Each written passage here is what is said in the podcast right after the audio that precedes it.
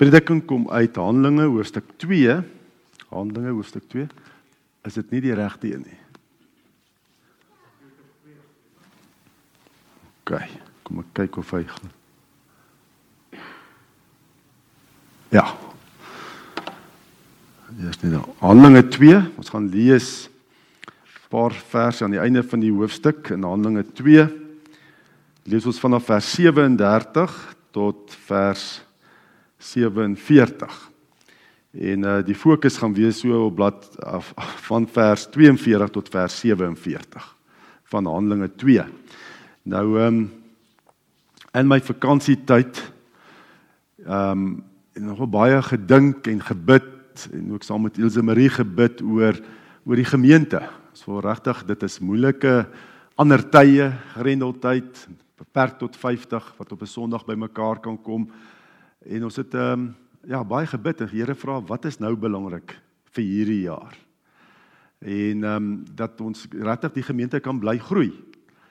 En uh, dit is hoekom ek hierdie gedeelte ook is. In na aanleiding daarvan wat ek ook hierdie gedeelte wil lees en ek gaan lees vanaf vers 37 by die aanhoor dis nou net na Pinkster en en Petrus as jy nou kyk vroeër in die hoofstukke die Heilige Gees is uitgestort. Petrus se toespraak op Pinksterdag en dan die reaksie daarop.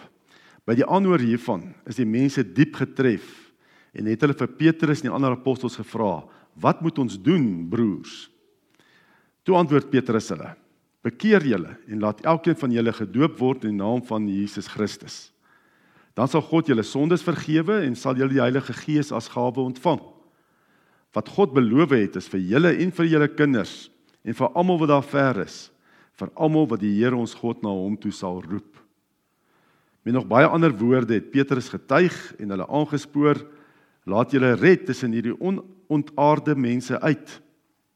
Die wat sy woorde aangeneem het, is gedoop en omtrent 3000 mense is op daardie dag by die getal van gelowiges gevoeg. Hulle het hulle heel hartig toegeleef op die leer van die apostels en die onderlinge verbondenheid, die gemeenskaplike maaltyd en die gebede. Die apostels het baie wonders en tekens gedoen en het almal met diep ontzag vervul. Al die gelowiges was eensgesind en het alles met mekaar gedeel. Hulle het hulle grond en besittings verkoop en die geld aan almal uitgedeel volgens elkeen se behoeftes. Hulle het almal elke dag getrou by die tempel bymekaar gekom, van huis tot huis die gemeenskaplike maaltyd gehou. Hulle kos met blydskap en en in alle eenvoud geëet en God geprys.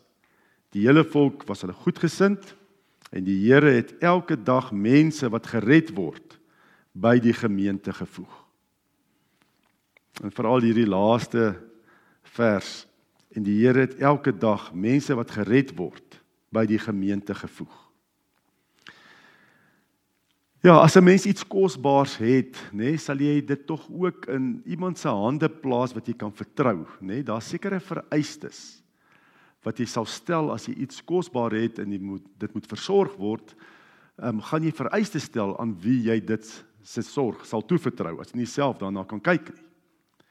Ehm um, vat maar die voorbeeld gestel ehm um, ja, jou kind, nê? Nee, kom ons sê die kraamverlof vir ma en pa is verby en nou moet iemand na jou kind kyk. 'n Mens sal tog nie sommer net die buurvrou vra nie. Of uh, enigiemand wat net bereid is om dit te doen nie. Daar's 'n paar vereistes wat gestel word. Jy sal nie eers sommer enige dagmoeder vra. Jy sal gaan kyk hoe dit lyk, nê? Nee, Soekie, ek dink as iemand hulle kinders by jou kom inskryf, kom kyk hulle eers, nê? Nee, hulle stap daar deur, nê? Nee, hulle het 'n paar vereistes om te weet maar hoe hierso gaan my kind goed versorg word. Dis belangrik. My kind is my kosbaar. So ek het 'n paar vereistes. En ehm um, en so kan ons ook weet dat God ook het ook 'n paar vereistes as hy sy kosbare kinders aan 'n gemeente wil toevertrou waar daai kind verder kan groei en versorg word. Daar's ook vereistes wat God stel, nê? Nee? En uh, wanneer 'n gemeente moet voldoen. En so kom die Here en gee ook deur hierdie gedeelte vir ons 'n vereistes vir 'n goeie geloofsgemeenskap waarby hy sy geredde kinders sal voeg. Net soos in die Here het elke dag mense wat gered word by die gemeente gevoeg. En vooraf is daar 'n klomp eerste beskrywing wat het in daai gemeente gebeur. Net die vereistes van 'n goeie geloofsgemeenskap. 'n Liefdesgemeenskap waar Christus sy kosbare kinders sal toevertrou aan die gemeente. En dit is ook Christus hy voeg gereddes by sy gemeente wat 'n ware liefdesgemeenskap vorm. Dis hy wat die mense voeg by gemeentes. En ehm um, ja, en ons moet uit sê het is ons nê, nee, ons as gemeente dra ons die kenmerke van 'n goeie liefdesgemeenskap waarby Christus sy geredde kinders sal wil voeg. Ons moet vra en dit is ook waaroor ons ouderlinge ook gepraat het. Ons het al so 'n paar vergaderings gehad hier al van die begin van Januarie. Nee, het ons nie net een keer vergaan, ons so twee of drie keer vergader en vra, Here, wat is nou belangrik? En natuurlik ehm um, waar kry ons die antwoorde uit God se woord? Altyd terug woord toe. Dis wat ons gereformeerde tradisie vir ons sê. Toets alles aan die woord. En voor ons kyk na hierdie kenmerke van ehm um, 'n gemeente wat 'n ware liefdesgemeenskap vorm, wil ek net eers wys dit dat Christus is nog vandag werksaam, nê? Nee? Hy tree nog vandag reddend op. Christus het nie net weggevaar hemel toe en nou is ons hier op aarde op ons eie en ons gaan nou net aan nie. Hy tree nog steeds op hier op aarde. Hy red nog steeds mense. En hulle is vir hom kosbaar. Hy's nog aktief op aarde. En as daar staan die Here het elke dag, nê, nee, dit's Kyrios. Dit is 'n naam wat baie algemeen vir Jesus gebruik word in die Bybel. Here, Kyrios in die Grieks. En dan ook in Handelinge 2 vers 47 um, staan dan dan ook word die woord gebruik Kyrios. Kyrios wat wys na Jesus. Hy werk vandag nog hier op aarde deur sy gees. Want voor sy hemelvaart het hy gesê vir die disippels, maar julle sal krag ontvang wanneer die Heilige Gees oor julle kom en julle sal my getuies wees in Jerusalem, sowel as in die hele Judea en in Samaria en tot in die uithoeke van die wêreld. So Jesus na die aarde gekom, hy het verlossing moontlik gemaak, hy het gesterf vir die mense se sondes aan die kruis, nê, nee, opgevaar om te heers, hy het al die mag in die hemel en op die aarde en hy het al die mag om mense te kan red ook hier op aarde. En hy vaar op hemel toe maar hy's nog steeds aktief besig hier op aarde. En hy doen dit deur sy gees en ons as sy kinders, nê, nee, as sy disippels. Hy wil ons nog gebruik. Die verhoogde Christus word nou deur die werk van die Heilige Gees beskikbaar vir alle mense tot aan die uithoeke van die aarde. So Jesus werk nog aktief vandag hier op aarde. Want hy is die sentrale figuur in Handelinge. Nadat hy opgevaar het hemel toe, nog steeds die sentrale figuur. Ons sien dit met Pinkster. Hy het opgevaar en toe stuur hy sy Heilige Gees op Pinkster uit om die mense te bemagtig, om die gelowiges te bemagtig. As die eerste martelaar sterf, Stefanus, wie sien hy toe die hemel? Hy sê ek sien 'n geopende hemel en wie sien hy? Christus aan God die Vader se regterhand. Christus is betrokke. Daar was Stefanus se martelaar sterf, gereed om te red ook as Saulus, nee wat later Paulus geword het op pad na Damaskus. Wat het die draai gebring in Saulus se lewe? Jesus wat aan hom verskyn het op pad na Damaskus sê hoekom vervolg jy my? So Jesus is nog steeds aktief hier op aarde besig alhoewel hy in die hemel is. Hy doen dit deur sy gees en ons sy disippels, sy sy kinders. En ehm um, ja, dis ook Jesus wat deur die harte van sondaar mense oopmaak vir die evangelie as die gees sy gees werk in sondaar harte en hy maak dit oop om die evangelie te ontvang wat Christus vir ons bewerk het.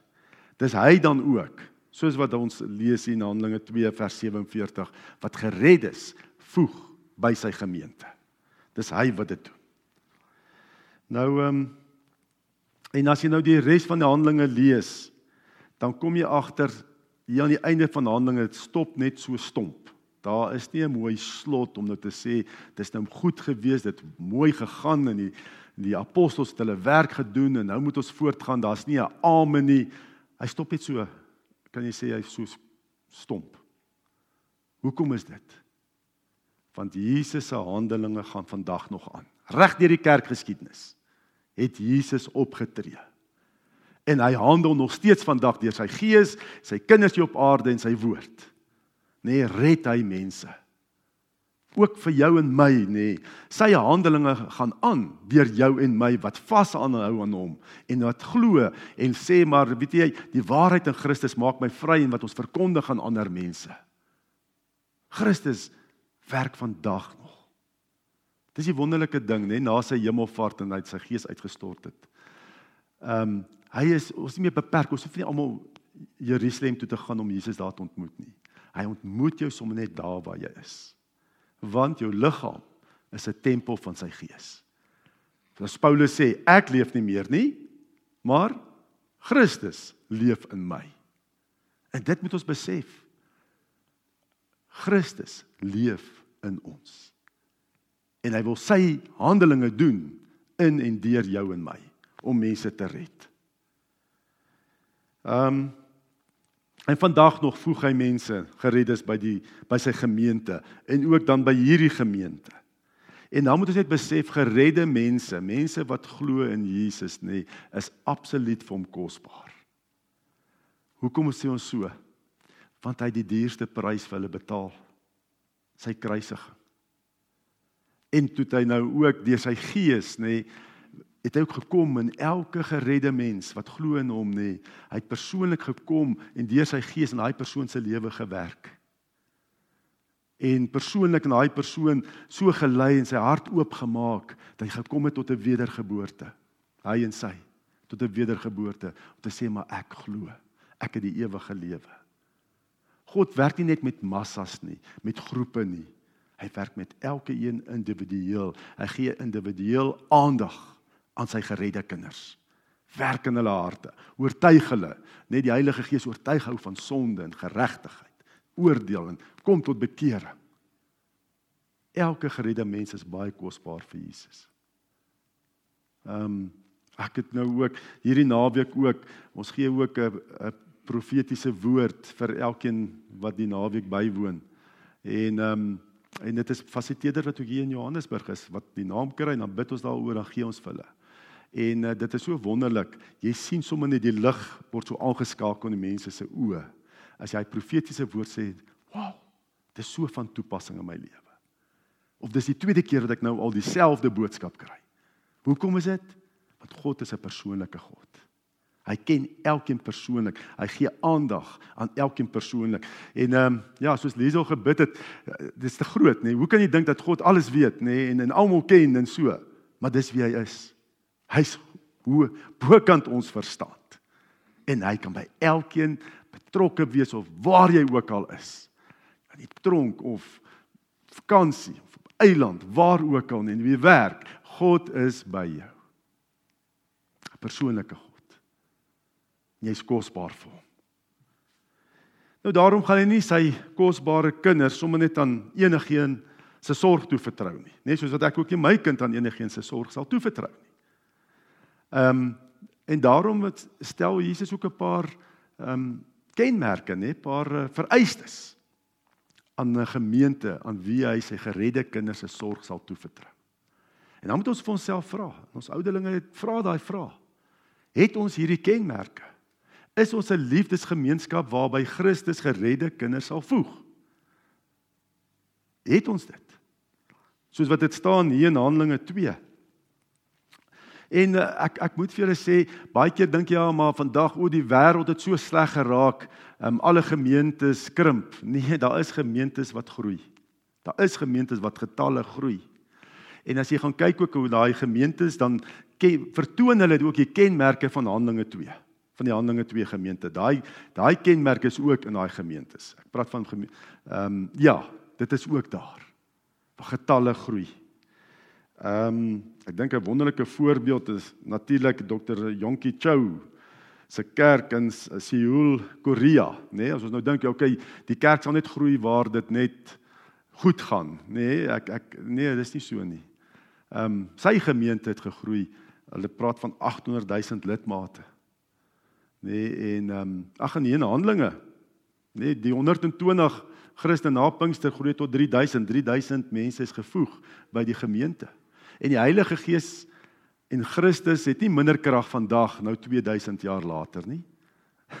Hy's nog steeds op die troon. Al die mag in die hemel op die aarde. Kragtig.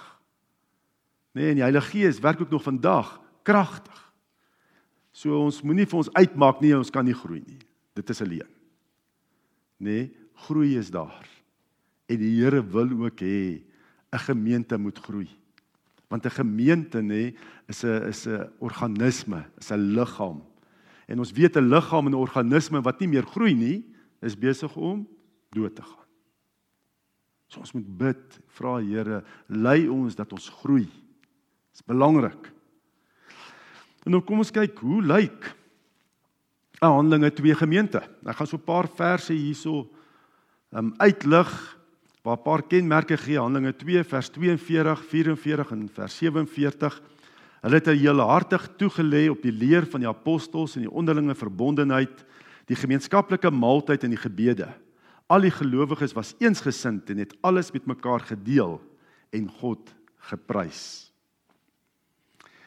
Um, as ons dit bietjie kan saamvat, het sy paar punte hier, so vyf punte hier kan uithaal uit hierdie verse, dan sien ons vyf fasette van gesonde kerkgroei.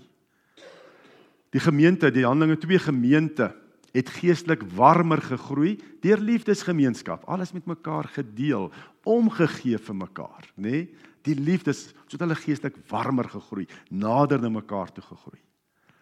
Hulle het ook geestelik dieper gegroei deur disippelskap net deur te groei in die leer van die apostels. So hulle het, hulle het al hoe meer almal 'n disippels geword dat Jesus deur jou kan werk en sy werk kan doen hier op aarde. Hulle het geestelik sterker gegroei deur God te prys en te aanbid. Lofprysing is so belangrik.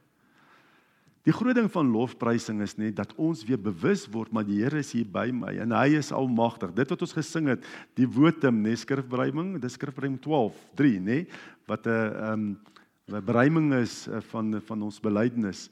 Nee, toe ons dit sing, dan besef jy net altyd dieselfde, maar almagtig groot en so. En dit is wat lofprysing maak. Dit gee vir jou en jy besef wie God is wat ons aanbid. So ons moet as ons ook hier by mekaar kom en ons sing, nee laat dit uit jou hart uitkom, laat jou gedagtes daar is. En ek vang myself baie keer, dan sing ek nê, nee, ek sing hierdie dinge, maar my gedagtes op ander plek. Nee nee nee nee. Jy's aktief betrokke in lofprysing. Dit gebeur nie van self nie. Ons moet God in gees en waarheid aanbid. Hulle het ook geestelik sterker gegroei deur God te prys en te aanbid. Nee, dit is so saam met hierdie geestelike dieper groei. Hulle is ook geestelik opgebou deur dienswerk van lidmate, die bedieninge, want elkeen van ons het verskillende gawes en die Here het jou hier gevoeg in hierdie liggaam van hom, nê, nee, met 'n spesifieke doel. En en as jy nie jou gawes gebruik in die gemeente nie, dan ly die liggaam skade. Nee, as jy 1 Korintiërs 12 gaan lees, jy kan nie sê ek die pinkie nie nodig of dan nie nodig. Ek jy sê ek het al agtergekom. Tydjie dink ek hierdie liggaamsdeel is nie baie belangrik, maar hy seer kry nê, dan voel ek hom almekaar. As ek moet skryf of wat ook al nê, jy voel dit jy dan besef jy alles is nodig. Almal het gawes wat jy hier kan gebruik. Hulle is ehm um, so geestelik opgebou, het groter gegroei deur evangelisasie. Net te gaan getuig, te gaan vertel. En hierdie is die die kenmerke die die vereistes van 'n gemeente waar die Here Jesus sy kinders wil voeg. En en ons moet onsself afvra, gebeur hierdie ook by ons?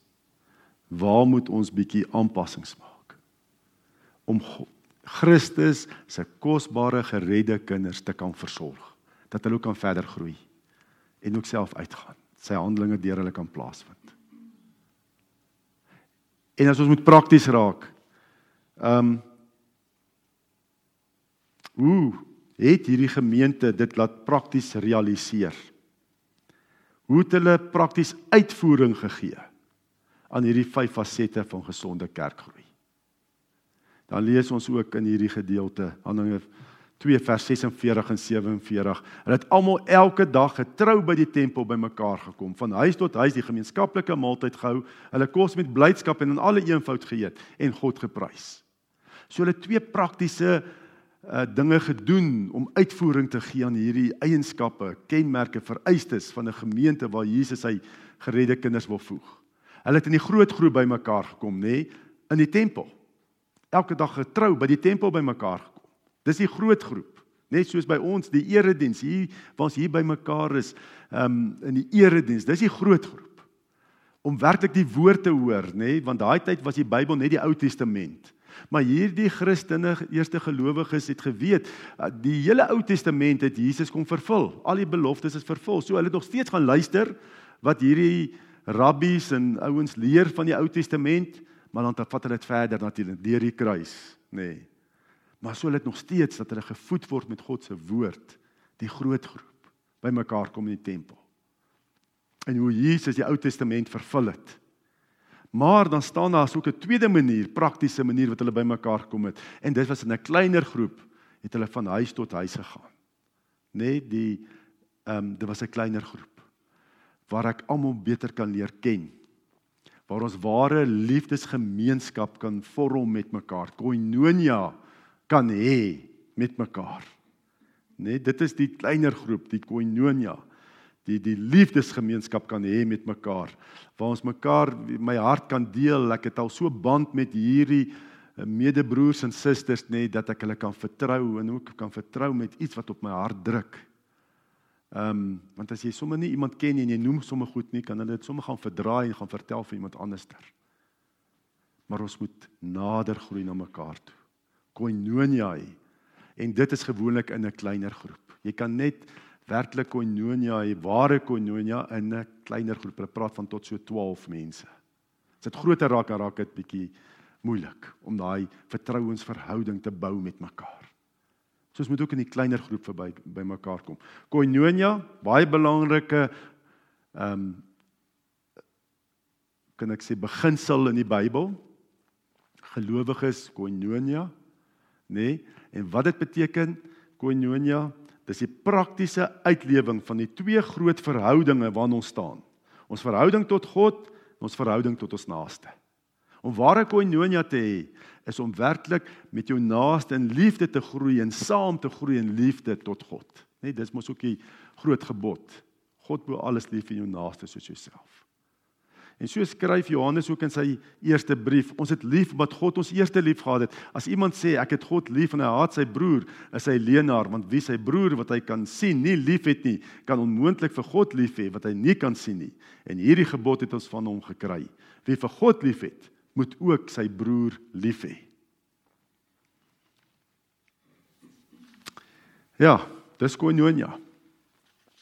Die uitleef van jou liefde tot God en liefde tot jou naaste. En ehm um, en dit is soos wat ons dit nou in die gemeente en wat die ouderlinge ook gesê het, dis wat mense beleef in die selgroepe.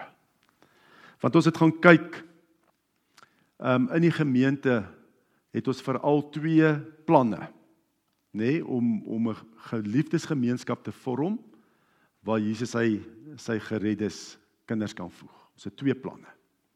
Die een is 'n groeiplan. Net daai vlakke van disippelskap van Kolossense 2.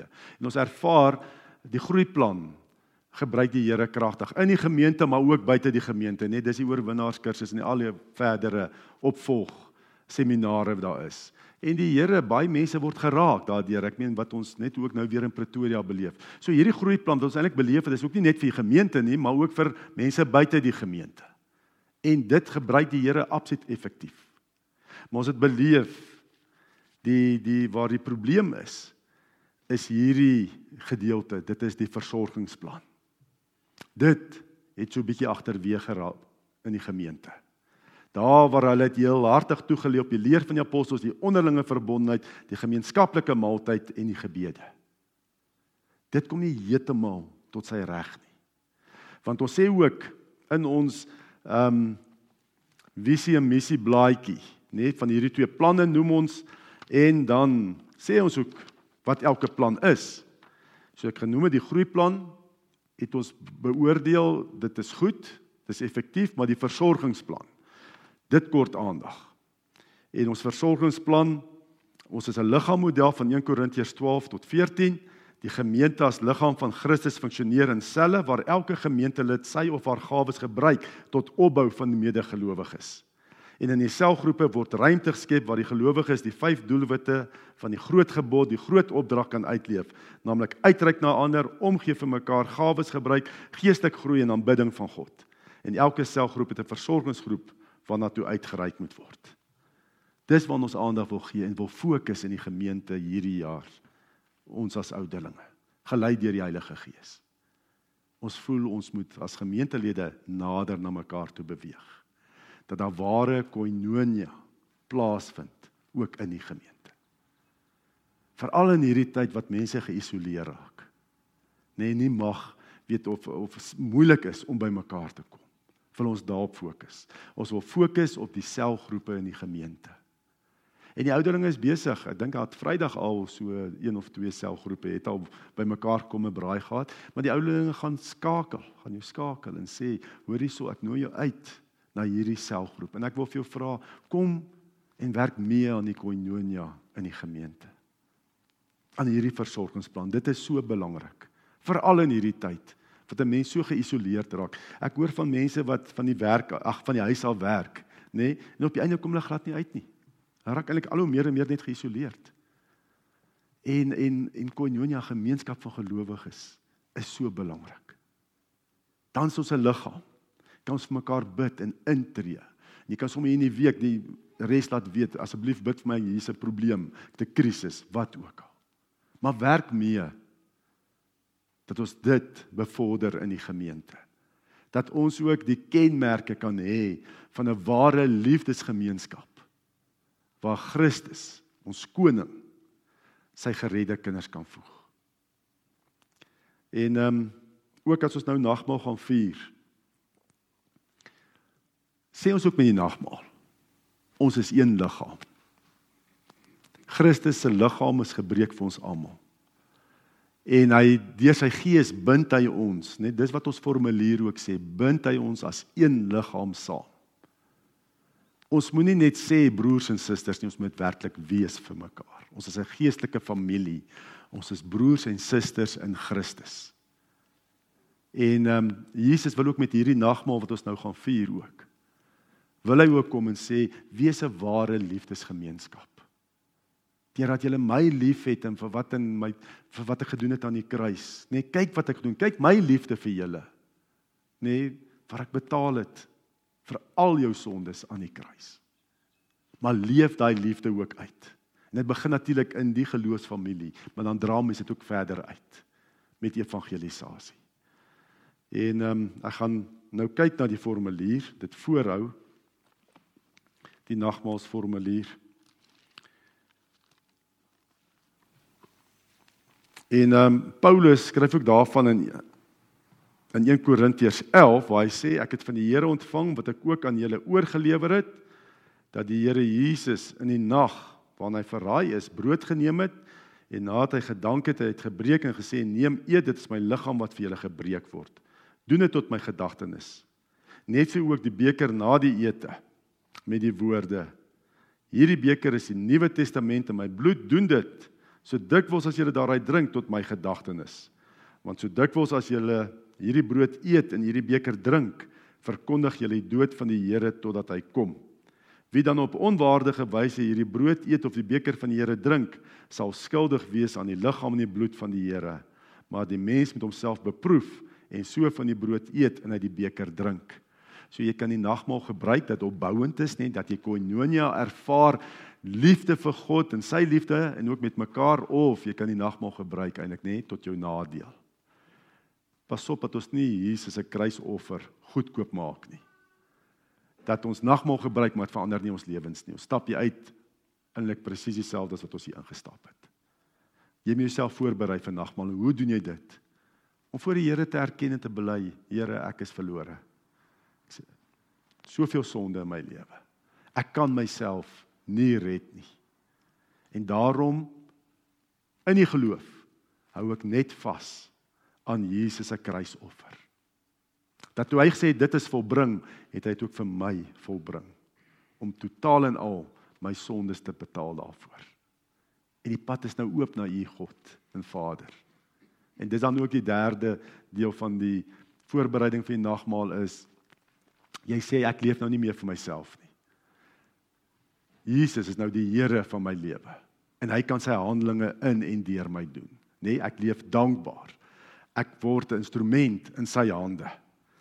So daai drie riglyne, weet hoe groot my sonde en ellende is, die verlossing in Christus en om dankbaar te lewe en sê Here, gebruik my. Hier is ek. En dan uh, sê die formulier ook die nagmaal dink ons terug aan wat gebeur het aan die kruis, nê? Nee, dis 'n nagedagtenis maaltyd wat ons besef dat Christus het daar alles gedoen. Ek hoef myself nie te red nie, ek hoef eens by te dra nie. Ehm um, Jesus het alles gedoen. Toe hy uitgeroep het en hy het God verlaatenheid aan my plek gelei, toe hy uitgeroep het, "My God, my God, waarom het U my verlaat?" Sodat ons nooit meer deur God verlaat sou word nie en eintlik het hy met sy dood en bloedstorting die ewige genade verbond bekragtig met die woorde dit is volbring. En dan nog wat ons moet aan vashou is wanneer ons so aan hom dink, word die tekens van brood en wyn telkens weer 'n versekering dat hy hom in ons plek oorgegee het en dat hy ons so seker met sy liggaam en bloed voed as wat ons die brood en wyn eet en drink. En so wil die lewende Christus deur sy gees ons van sy liefde verseker en ons tot die vaste weet te bring dat ons ook tot hierdie genade verbond behoort. En elke maal as ons nagmaal vier, verkondig ons sy dood tot hy kom. Daarom laat die fees van die nagmaal ons ook met groot verlange uitsien na die bruilofsmaal van die lam. En dan ook die, die nagmaal bind ons as een liggaam saam. Ehm um, deur sy dood hy ook vir ons lewendmakende gees verwerf wat ons aan Christus in ware gemeenskap verbind en in al sy rykdomme laat deel. Dieselfde Gees bind ons ook as lede van een liggaam in ware liefde saam. Omdat ons almal aan die een brood deel het, is ons almal een liggaam en daarom moet ons almal wat deur die geloof na Christus ingelyf is, hierdie eenheid in liefde met woord en daad teenoor mekaar bewys. Mag God deur sy Gees ons ook daartoe help en mag die Here ook deur hierdie nagmaal viering sy Gees in ons werk met ons 'n ware liefdesgemeenskap sal vorm soos die Handelinge 2 gemeente werklik koinonia met mekaar sal hê.